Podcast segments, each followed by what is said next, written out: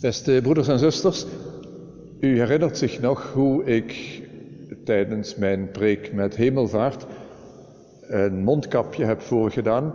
Uh, ik ga het vandaag niet nog een keer doen, maar u herinnert zich nog goed hoe lastig dat was. Op de eerste plaats omdat je daardoor de mimiek rondom mijn mond mist en dus helemaal niet meer begrijpt op wat voor manier ik de woorden bedoel die ik uitspreek. En op de tweede plaats was het ook wel lastig, wat u waarschijnlijk zelf ook al ervaren hebt, omdat je het daarvan zo verschrikkelijk warm krijgt, zo verschrikkelijk benauwd krijgt. Met een klein groepje collega's zijn we afgelopen week over de grens gaan uiteten, want dat mag daar weer in Duitsland. Um, nou, dat leidt vanzelf tot allerlei grapjes die op den duur natuurlijk ook een beetje flauw en een beetje melig worden. Hè? Uh, grapjes over de verplichte mondmaskers uh, wanneer je in Duitsland gaat winkelen. Of let op, wanneer je een restaurant binnengaat in Duitsland, dan moet je ook een mondkapje dragen. Maar het is natuurlijk wel zo handig om dat weer af te zetten op het moment dat de soep voor je neus wordt gezet. Uh, nou, om het nog een beetje flauwer te zeggen, en zo bedoel ik het eigenlijk niet. Hoe moet je als EHBO'er te hulp schieten wanneer je op anderhalve meter afstand moet blijven van het slachtoffer? Om niet te zeggen, hoe moet je mond-op-mond beademing toepassen? En ik bedoel het niet flauw of medig. Ik bedoel het juist met diep respect voor die helpers en helpsters die ook in deze maanden zo concreet te hulp schieten om mensen te helpen overleven.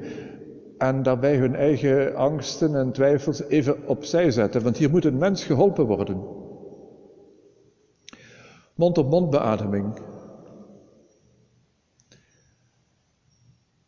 Uit mijn eh, scholierentijd op Eikhagen herinner ik me nog dat ik vijf avondjes EHBO gevolgd heb.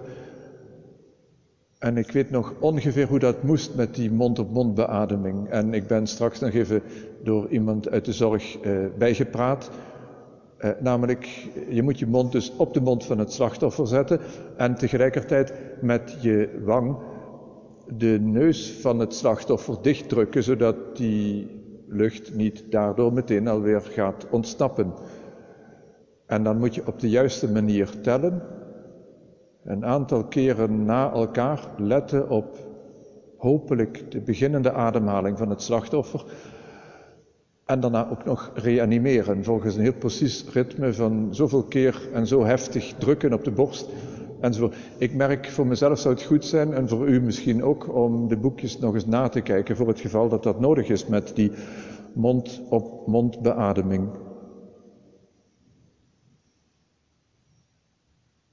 Want je weet nooit hoe het opeens nodig kan zijn wanneer mensen dreigen te verstikken.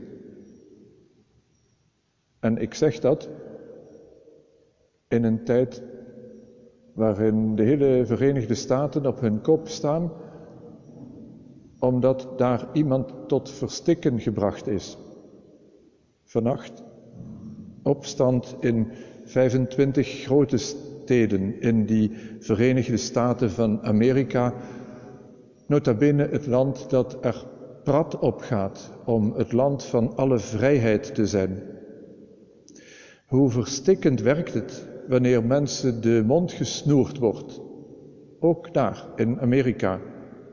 Niet alleen in landen als China, Turkije, Noord-Korea, Rusland of vul maar aan hoeveel kwaadheid roept het op wanneer in landen ver weg, of ook in ons eigen land, mensen de mond gesnoerd wordt, mensen van hun troon gestoten worden.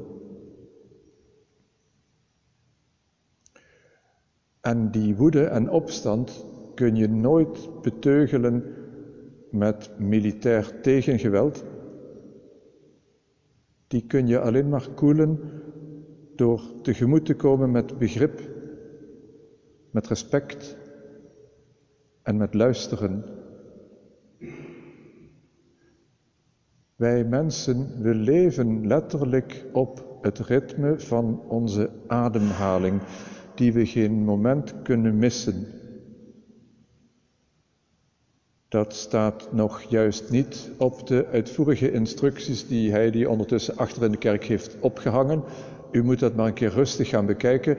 Hygiëne, we hebben ondertussen een dispenser met ontsmettend gel bij de ingang van de kerk staan. En u hebt de stickers voor de juiste zitplaatsen in de kerk opgehangen. Op die instructie staat nog net geen instructie hoe dat moet met die mond-op-mond beademing. Ja, en eerlijk gezegd moet je er ook niet aan denken dat in de kerk je opeens iemand naar de hals vliegt voor zo'n mond-op-mond beademing. Dan zou je terecht zeggen, ga weg. Wat? Dat zou je reactie zijn. Tenzij vanavond op de bank bij een glaasje wijn die man of vrouw van wie je al jarenlang zielsveel houdt, ja, mond op mond, maar dat hoef ik verder niet uit te leggen en dat wil ik ook verder niet. Daar wil ik wel op ingaan. Want precies zo is het allemaal begonnen. Genesis, toen God de Vader zelf mond op mond beademing toepaste op die eerste mens die hij geboetseerd, geschapen had. Prachtig, naar zijn eigen beeld en gelijkenis. En juist door die mond-op-mond beademing gaf God toen de eerste mens het leven. Alle dagen van ons leven lopen wij over deze schepping als kind van God, als beeld van God. En omgekeerd, zo onuitsprekelijk is het wanneer iemand de laatste adem heeft uitgeblazen. Zo onuitsprekelijk is dan ons verdriet, omdat een mens zonder die levensadem geen mens meer is, in deze wereld althans. We geloven en we hopen en we weten dat God ons dan opnieuw op adem laat komen in dat nieuwe leven, in die nieuwe schepping. En daarom hebben we voor het altaar nog eens die prachtfoto geplaatst uit die kerk in Istanbul. U hebt ze al gezien op de tv-mis van afgelopen 10 mei. Daar waar Jezus, de opgestane Heer, die eerste mensen, Adam en Eva, bij de hand neemt. Omhoog sleurt uit hun graven en hun opnieuw die levensadem inblaast voor het nieuwe en eeuwige leven. Een mens leeft op, de, op het ritme van de adem. Wij mensen, we zijn vanzelf sprekende mensen. Alles gebeurt op het ritme van onze adem, ook ons zingen. En hoe pijnlijk is het dat we de komende maanden niet samen kunnen zingen. En we gaan die instructie volgen, omdat het moet, omdat het nodig is.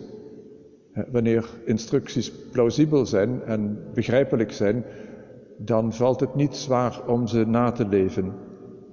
Eh, er mag nog één persoon zingen in de liturgie.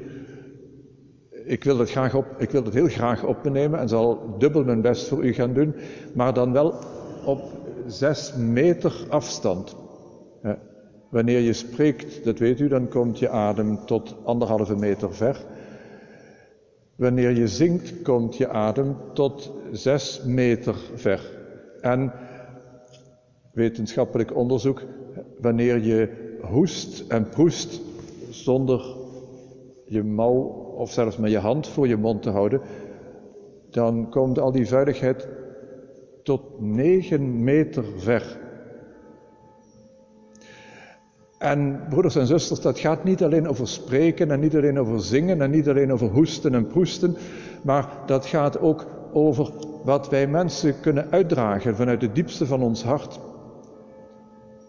Wanneer ik tot jou een bemoedigend woord spreek, juist op de dag dat je het nodig hebt, dan kom je daarmee een stuk vooruit. Wanneer ik op momenten dat je je verdrietig of eenzaam of hulpeloos voelt, tot je gaat zingen, dan kom je in je emotie nog eens een heel stuk verder vooruit.